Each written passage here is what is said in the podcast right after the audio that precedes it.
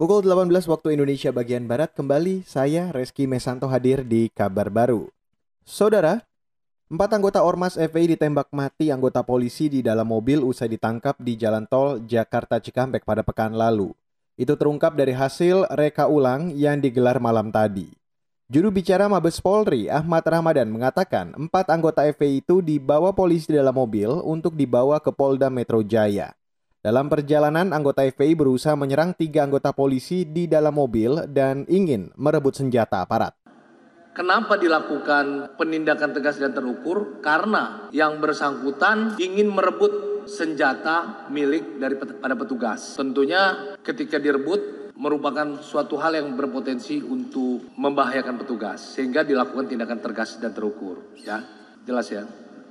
Juru bicara Mabes Polri Ahmad Ramadan menjelaskan dari hasil reka ulang, dua anggota FPI lainnya tewas saat terlibat baku tembak dengan aparat. Total ada enam anggota FPI tewas dalam insiden bentrok dengan kepolisian pada Senin dini hari pekan lalu. Polisi mengklaim anggota FPI berusaha menyerang aparat menggunakan senjata api. Namun, FPI membantah dan menyebut anggotanya tak pernah dibekali dengan senjata tajam atau senjata api. Kita beralih ke informasi selanjutnya, Saudara. Bekas Bupati Bogor, Jawa Barat, Rahmat Yasin, bakal segera diadili di Pengadilan Negeri Bandung.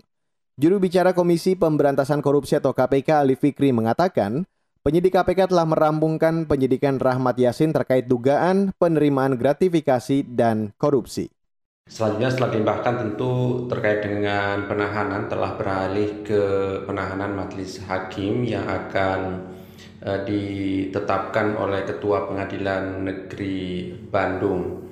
Saat ini penuntut umum KPK sedang menunggu uh, terkait dengan penetapan majelis hakim dan juga hari sidang. Tentu sidang pertama nanti akan dibacakan surat dakwaan KPK menahan Rahmat Yasin pada awal Agustus lalu. Bupati Bogor periode 2008-2014 itu ditahan sebagai tersangka pemotongan anggaran senilai lebih dari 8 miliar rupiah dan gratifikasi mobil dan tanah. Kasus ini merupakan kasus pengembangan kasus terdahulu yang sudah inkrah mengenai tukar-menukar di kawasan hutan Bogor.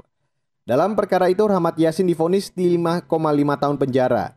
Ia bebas pada pertengahan 2019 namun kembali dijerat KPK pada kasus lain. Kita ke Jawa Barat, Saudara. Lebih dari 70% warga Jawa Barat menginginkan vaksinasi COVID-19 menggunakan vaksin buatan dalam negeri. Hal itu terungkap dari survei yang dilakukan Komite Penanggulangan COVID-19 Jawa Barat. Gubernur Jawa Barat Ridwan Kamil mengatakan, dari survei itu juga terungkap 90% warga mengetahui ada vaksin COVID-19, namun 9 orang menolak vaksin. Yang belum memutuskan 43 persen, 8 dan yang sudah yakin ingin divaksin 47,1 persen. Nah, dari yang belum memutuskan kebanyakan karena lebih ingin mendapatkan informasi lebih mendalam sebelum berkeyakinan untuk divaksin. Gubernur Jawa Barat Ridwan Kamil menjelaskan, sampai saat ini uji klinis vaksin Sinovac terhadap ribuan relawan belum ada hasilnya. Diperkirakan hasilnya akan keluar akhir Januari mendatang. Dan saat ini, kata Ridwan Kamil, pemerintah masih menunggu keputusan Badan Pengawas Obat dan Makanan atau BPOM terhadap vaksin Sinovac. Sedangkan vaksin merah putih buatan lokal masih dalam uji coba terhadap binatang. Demikian kabar baru KBR saya Reski Mesanto.